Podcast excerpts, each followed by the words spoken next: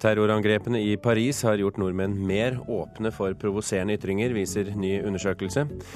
Jeremy Clarkson får trolig sparken fra programmet Top Gear i dag. Det hevder avisen The Daily Telegraph. Og gode forfattere kan lage stor litteratur eh, av det meste, til og med jogging. Ny bok fra Helle Helle beviser det, ifølge vår anmelder. Du hører på Kulturnytt med Birger Kolsrud Jåsund i studio. Ytringer skal få komme til uttrykk selv om de er støtende. Det mener stadig flere nordmenn, ifølge en ny undersøkelse. Ytringsfrihetseksperter mener økningen kan skyldes terrorangrepene i Paris i januar, f.eks. Anine Kierulf. Den diskusjonen som vi fikk i forlengelsen av Paris-massakren, det har nok kanskje gjort at flere har måttet tenke igjennom hvorfor vi beskytter ytringsfrihet. Tolv drept i terrorangrepet mot en avis i Paris, kjent for å ha trykket karikaturtegninger av Muhammed. Terrorangrepet i januar har endra mange nordmenns syn på ytringsfriheten, tror postdoktor ved Senter for menneskerettigheter Anine Kierulf. Vår oppfatning av den blir påvirket av hendelser i samfunnet. Og ferske tall NRK har fått innsyn i fra medieundersøkelsen 2015, bekrefter en markant endring i nordmenns holdninger. Det forteller faglig ansvarlig for undersøkelser, professor Frank Aarebrot. Selv om det støter noen, så skal vi ha ytringsfrihet. Det standpunktet er blitt styrket fra forrige gang vi stilte befolkningen det samme spørsmålet. Undersøkelser viser at flere nå støtter det mest radikale ytringsfrihetsstandpunktet, som kommer fram i følgende utsagn A. Det er viktig at alle holdninger i samfunnet kommer frem, selv om det i enkelte tilfeller vil støte noen. Det er dermed færre i år enn i fjor som støtter utsagn B. Støtende ytringer fører til hatske stemninger i samfunnet og undergraver ytringsfriheten. Flere redaktører vurderer nå å trykke tegninger fra magasinet som ble utsatt for terror. Av de norske redaktørene som har svart, var 93% enige i det mest radikale utsagnet. En oppgang på 12 prosentpoeng i forhold til i fjor. Vår holdning til ytringsfrihet er mindre prinsipiell enn vi skulle tro. Og det er jo kanskje negativt. Nesten 100 personer møtte i kveld opp til fakkeltog i Hamar til støtte for ytringsfriheten. I hele Norge var engasjementet stort etter angrepet på Charlie Hebdo. Og skal vi tro den ferske medieundersøkelsen, er det nå sånn at de fleste nordmenn, og særlig redaktører, ønsker et samfunn der det er lov å si alt, selv om det støter andre. Men det er ikke nødvendigvis en god holdning, mener professor i statsvitenskap Raino Malnes. Utblås avblåsinger, ta bladet fra munnen osv. Det har vi mye av, og jeg ser egentlig ikke noe stort behov for mer av det. Malnes tror ikke det er sunt for et flerkulturelt samfunn å strekke ytringsfriheten så langt som mulig, fordi det ofte fører til mer utskjelling i stedet for saklige meningsytringer. Krenkelseskompetanse, det uttrykket hørte jeg brukt, og det skulle være verdifullt å fremelske. Og der vil jeg simpelthen si at det standpunktet syns jeg er, er et bisart standpunkt. Det er ikke noe verdifullt å fremelske krenkelser. Verken det å krenke eller det å uh, kunne lett leve med krenkelser. Jeg kan ikke skjønne hvilken verdi de har. Vi er i samfunn der det blåses ut hele tiden, i tide og utide. Og nå kan det være greit å tenke over om det egentlig er med på å gjøre samfunnet til et trivelig samfunn, og det tror jeg ikke det er. Ja, det sa statsviter Raino Malnes til reporter Torkil Thorsvik. Styreleder i Norsk redaktørforening og redaktør i Aftenposten, Harald Sanger, velkommen til Kulturnytt. Takk skal du ha. Er du en av dem som har eh, endret standpunkt etter terroren i Paris? Nei, det har jeg nok ikke. Men jeg tror at jeg og mange norske redaktører er blitt mer bevisst på eh, det som skjer rundt oss, og de begrensningene som trusler kan føre til. Det gjør nok at eh, vi er blitt mer opptatt enn vi var i 2006 under karikaturstriden. Eh, ikke bare av dialogen, men også av prinsippene. Eh, det er ikke snakk om en plikt til å krenke, men det er snakk om en rett til å krenke. Frank Aarebrot, Professor Frank Aarebrot hevdet jo i saken her at det kan vitne om en mindre prinsipiell holdning? Ja, Det skjønner jeg ikke helt hva eh, professoren eh, mener med det. fordi at eh, jeg tror nok at grunnleggende sett både i den norske opinionen og hos norske redaktører og journalister, så har en vært veldig bevisst på prinsippene om ytringsfrihet og hva det betyr. Men jeg tror at mange av oss har tatt det som en helt selvsagt ting. Vi har levd i et liberalt tidsvindu, det gjør vi fremdeles. Og så kommer først karikaturstriden Så kommer Charlie Hebdo-massakren, så skjer det på Kruttønnen i København, og så ser vi at det som var selvsagt for oss, ja, det er under press. Og det gjør at vi mer tenker gjennom det som skjer, rett og slett fordi at problemstillinga er kommet nærere oss enn bare teoretiske, eh, teoretisk eh, plan. Men Tror du det kommer til å bli publisert eh, mer støtende innhold i norske medier heretter, slik Reino Malnes frykter? Nei, det tror jeg slett ikke. Fordi at det dette går på, er jo prinsippet om retten til å krenke. Rett retten til å provosere. Det betyr jo ikke at alle skal gjøre det. Jeg tror de fleste norske mediehus vil følge de linjene og med de grensene som de sjøl setter. Det er ulike grenser i ulike mediehus. Vi har ulik tradisjon, og slik bør det være. Egentlig så roter en sammen denne debatten hvis en tror at dette er en kamp for at hver mann må komme med si krenking. Hver avis må nå leite etter det som kan krenke mest. Det er ikke det det er snakk om. Det er snakk om retten til å gjøre det uten at du skal bli truga på livet, og uten at du skal eh, oppleve at en redaksjon blir massakrert, slik som Charlie Hebdo-redaksjonen i Paris. Hva må samfunnet betale for denne holdningsendringen? Er det, er det mer utrygghet, økt sikkerhetsopplegg f.eks. rundt debatter og, og, utstillinger? Ja, I gitte situasjoner så kan det være det. Eh, det kan også være at eh, vi vil få mer markante konfrontasjoner fordi at eh, av og til så er en konfrontasjon en nødvendighet for en ærlig dialog. Harald Sangeli, takk for at du kom til Kulturnytt.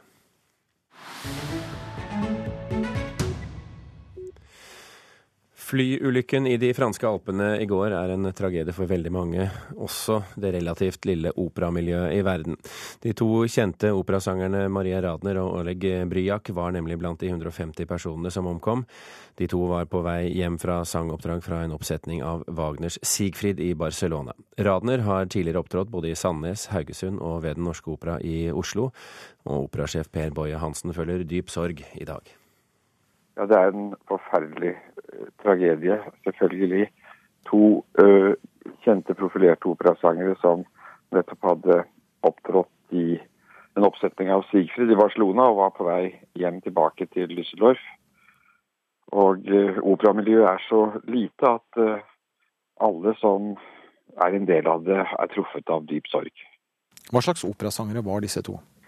Ja, Maria Radner var en alt en sjelden dyp, uh, varm stemme-type.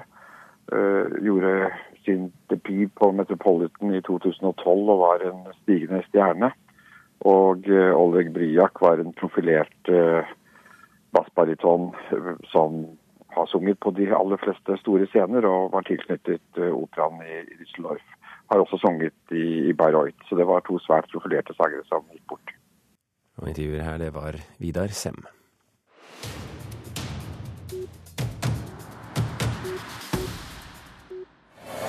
May be brand new, but its 6.2 litre V8 engine produces almost no power at all.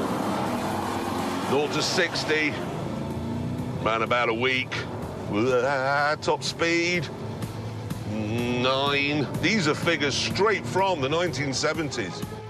Jeremy Clarkson, som du hører her, kommer til å få sparken fra BBC. Det hevder den britiske avisen The Daily Telegraph i dag. Som du kanskje husker, Jeremy Clarkson er programleder i et av verdens mest populære underholdningsprogrammer, BBCs Top Gear. Han har vært kontroversiell i flere år, har vært i konflikt med ledelsen av BBC flere ganger, og fikk for et drøyt år siden en siste advarsel. Siden han var i en noe hardhendt krangel med en av programmets produsenter for et par uker siden, så har Clarkson vært suspendert, og en hel verden har vært spent på hans skjebne. Ok, Espen Aas, korrespondent i London. I dag skriver altså avisen The Daily Telegraph at han får sparken. Fortell. Ja, De har eh, kjørt på dette faktisk eh, helt siden i går og sagt at nå eh, er det over for Clarkson. Det vi jo vet, er at BBC etter sigende skal ta en avgjørelse i dag. Men en talsmann for den store britiske kringkasteren har rykket ut i dag og sagt at ingen avgjørelse er tatt. Vi kan ikke si at Jeremy Clarkson verken har fått sparken eller kommer tilbake til Top Gear. Så ennå er det et uh, noe uvisshetens slør som, som, ligger over denne saken, som har um, da rullet og gått i, selvsagt i britisk presse nå i over to uker, men også store deler av verdenspressen. Vi, altså The Daily Telegraph har jo ikke noen åpne kilder på dette her, men kan vi stole på dem i saker som dette? Nei, Jeg har jo ikke noen mulighet til å vurdere hva slags kildegrunnlag de har, men allerede tidlig i går morges så var det en insider i BBC som da sa at nå eh, nærmer det seg en, en, endelig avgjørelse. Og så har jo selvfølgelig alle avisredaksjoner ligget tett på sine kilder siden det. Men Daily Telegraph har definitivt vært den som har kjørt hardest på det, og som også er den avisen som blir sitert av flest andre britiske eh, medier i dag. Men det skal være sagt, det gikk også rykter i helgen om at en avgjørelse avgjørelse skulle komme lørdag, så skulle den komme søndag. Så trodde noen i går, og ja, nå har vi kommet til onsdag. Hvordan har reaksjonene på sosiale medier vært nå på morgenkvisten? Nei, Det tar jo fullstendig av. Eh, selv om det bare går eh, et minutt eller to mellom hver eh, oppdatering eh, på Twitter, så, så, så er det jo fullt av, av, nye oppdateringer, av lenker, av eh, morsomme eller mindre eh, morsomme vitser rundt Clarkson og denne hendelsen da med, med produseren. Det som angivelig var et halvminutts uh, slagsmål eller håndgemeng etter uh, 20 minutters krangel om hvorvidt det burde stå mat klare til programlederne etter uh, innspilling. Top Gear er jo en av BBCs største suksesser, vises over i, i, over 170 land, altså nesten alle land i verden. Har 350 millioner seere på det beste og skaffer BBC enorme inntekter. Det kan ikke være en lett avgjørelse å gi selve gullhøna Clarkson sparken i dag, hvis det er det de havner ned på? Nei, det er jo det um, alle har sagt, eh, eller i hvert fall veldig mange har sagt gjennom hele denne perioden også, at hvis BBC nå kvitter seg med Clarkson, så, så kvitter de seg med en svært, svært viktig eh, merkevare. Eh, han har jo vært tilknyttet til Top Gear siden slutten av 90-tallet, slik at dette begynner å bli en lang, lang periode. Selv om showet for alvor fikk sin eh, suksess internasjonalt noen år senere, så har han vært en, en magnet. Vi så jo det bare den første søndagen som Top Gear ble tatt av plakaten, så sank jo seertallene til BBC med mange millioner i, det samme eh, sendetidspunktet. Spørsmålet er eh, hva de eventuelt skal erstatte ham med, om Top Gear skal fortsette med de to andre medlemmene og eventuelt et nytt tredje medlem. Og ikke minst hva Clarkson selv kommer til å gjøre, som jo har vært en BBC-mann i årtier.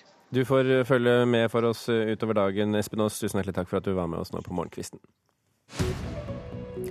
Klokken er 16 minutter over åtte. Du hører på Kulturnytt, og dette er toppsakene i Nyhetsmorgen nå. Taleregistratoren fra det styrtede tyske flyet er funnet, men den er skadet. Det sier en kilde nær etterforskningen til AFP. Eksperter i Paris skal likevel forsøke å hente ut informasjon fra den. Dersom du kombinerer p-piller og andre typer medisiner, kan du likevel bli gravid. Det er særlig epilepsimedisiner og kosttilskuddet johannesurt som kan ødelegge effekten av p-pillene.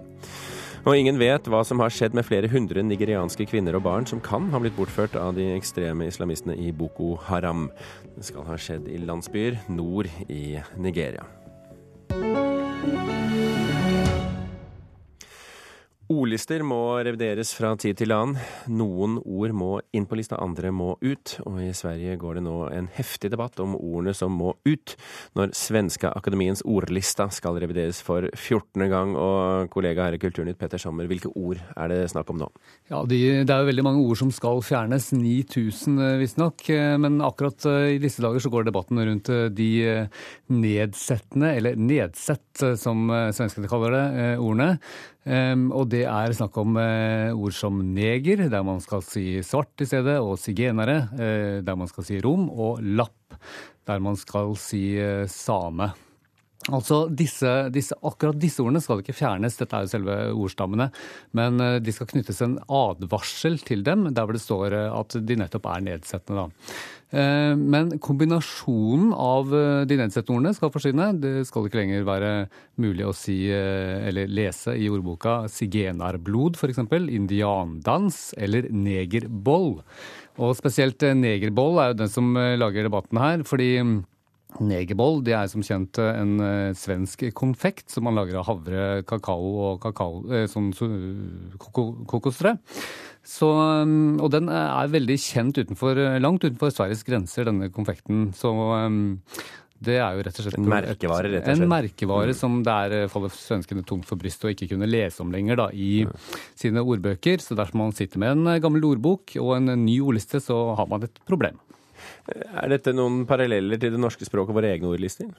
Ja. Eh, I Dagbladet har vi snakket med Språkrådet, som sier at det ikke er noen tradisjon for å skrive sånne advarsler i norske ordlister, men at det trengs en gjennomgang i eh, hvilke, bøker, nei, hvilke ord som eh, er gjengs å bruke i det norske språket i dag.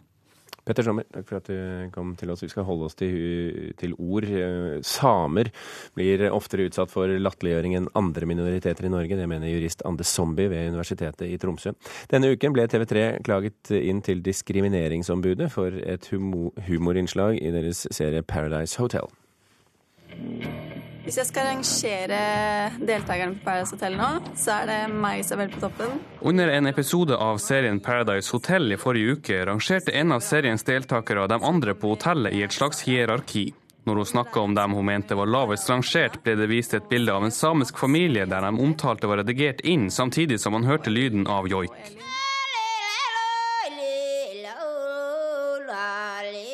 Vi hører ikke med på den skalaen her, egentlig. Det humoristiske grepet gjort i produksjonen av TV3s serie falt ikke i like god jord hos alle. Jeg reagerte med et indignert sukk. Ende Zombie er jurist ved Universitetet i Tromsø. Han mener innslaget på TV3 viser at samer blir oftere utsatt for latterliggjøring enn andre minoriteter i Norge. Det er trist at det er vi samene som er blitt igjen som en slags eh, humoristisk fritt vilt som, eh, som man lett kan eh, eksponere for tynehumor og, og sparke nedover. Og, og, det er et samisk problem, og det er et, det er et norsk problem.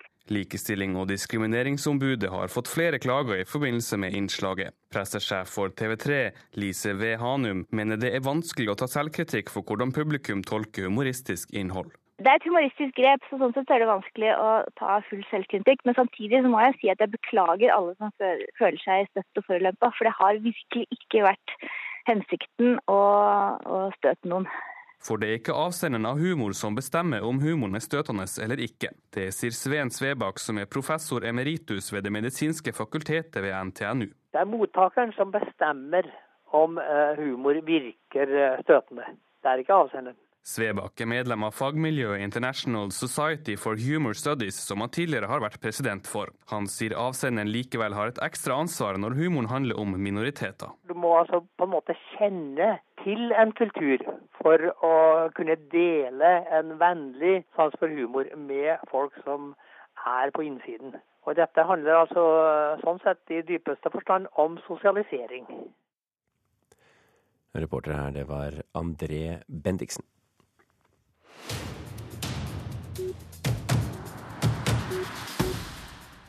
Den danske forfatteren Helle Helle har i mange år hatt en gjeng av trofaste fans i Norge.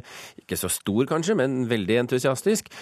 I hjemlandet er hun eh, en av de store i mellomgenerasjonen, og er nå nominert til Nordisk råds litteraturpris for romanen Hvis det er. Høyst fortjent, ifølge vår kritiker Marta Norheim. Noen forfattere er slik at du merker det deg straks du har lest et par setninger. Jon Fosse er slik, og Gro Dale og Dag Solstad. Helle Helle er også slik. Sjøl om det fins folk som liknar, har Helle Helle ei eiga evne til å få enkle, tilforlatelige situasjoner til å vri seg, og til å få greie tekster til å virkelig dirre av spenning. Den nyeste romanen er ikke noe unntak. Her møter vi Roar, 48, som har legget ei hytte ei veke av ferien, og gir seg ut på joggetur med nyinnkjøpte joggesko. I det virkelige livet fører slikt til gnagsår og anger over at en var så dum. I Helle Helles roman skjer også nøyaktig dette. Roar får gnagsår, og han angrer på at han setter i gang dette idiotiske prosjektet. Men så stogger det ikke der. Han springer seg vill i skogen.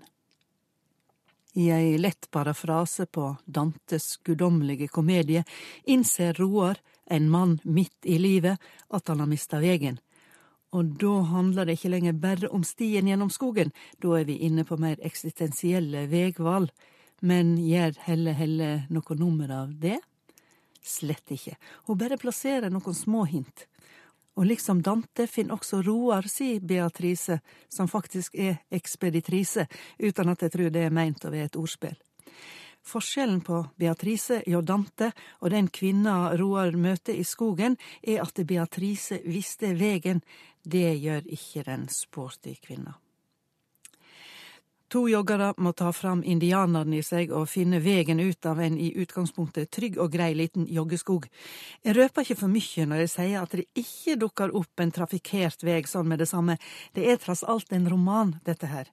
Joggerne må gradvis innsjå at de er uten mat og drikke, uten overnattingsutstyr, mobilene er uten dekning, og det eneste selskapet og det eneste håpet er en vilt fremmed person. Under slike forhold er det fort gjort at en åpner seg for den vilt fremmede personen på en måte en neppe ville gjort under andre forhold. Det er rørende, det er trist, og det er ikke uten komikk når historiene deres fletter seg inn og ut av den ekstraordinære rammefortellinga som er livet i skogen ekstraordinær, men ikke romantiserende. Et helle-helle-trekk er å gå tett på detaljer, her er det mer gnagsår og kvalme enn drøfting av store spørsmål under stjernehimmelen.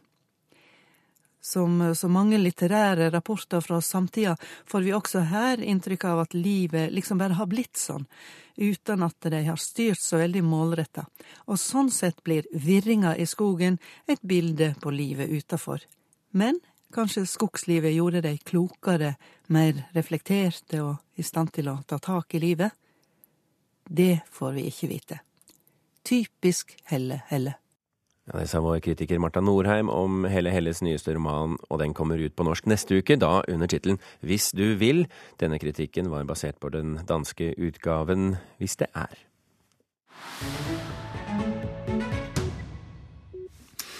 Artisten Thomas Dybdahl har fusjonert med jazztrioen In The Country og gitt seg selv en eh, litt ny retning. Det er det første av tre samarbeidsprosjekter, og den første EP-platen den er allerede kommet ut og fått eh, til dels veldig gode kritikker. Eh, Thomas Dybdahl, velkommen til Kulturnytt. Takk for det. takk for det. Hva er det du, er det du vil?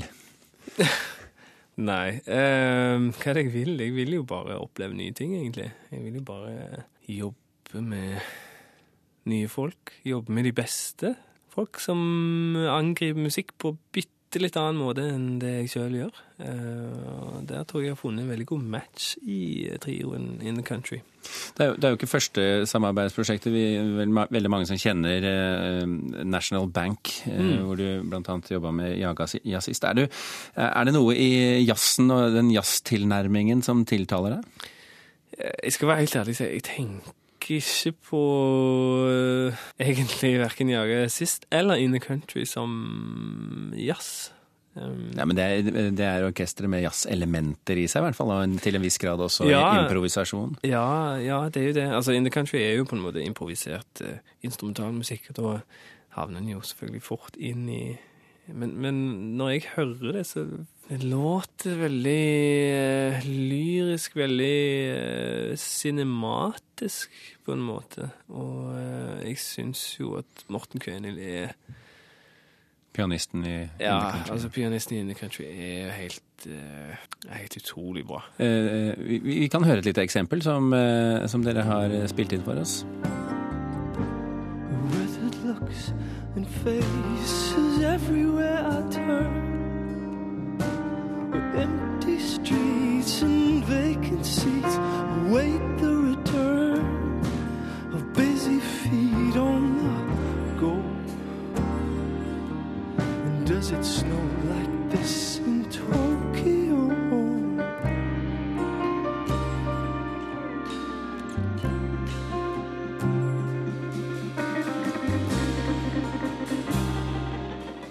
Det vi hører her, er låta 'Tokyo' med, med håper å si fullt orkester.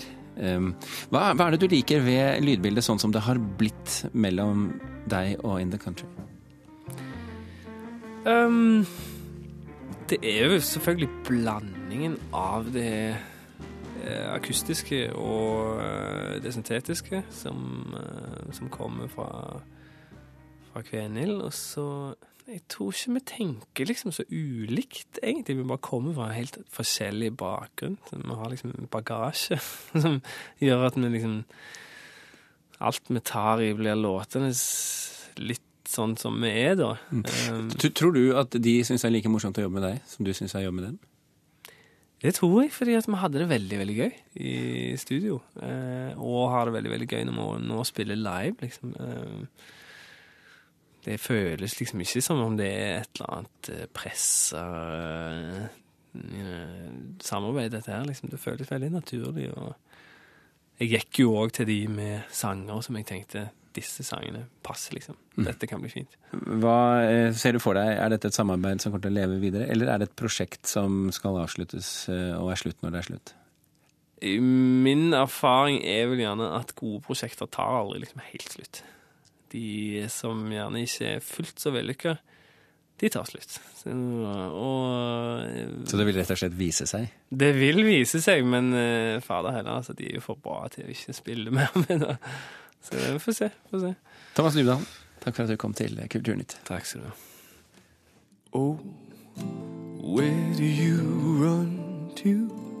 Where do you find calm in the midst of a hurricane. Oh, where does it take you? Where do you find the strength to keep on moving on? Thomas Dybdahl eh, med sitt nye prosjekt eh, samarbeider med gruppen In The Country. Kulturnytt er eh, slutt. Hilde Tosterud, Vidar Sem og Birger Kolsrud Aasund takker for følget.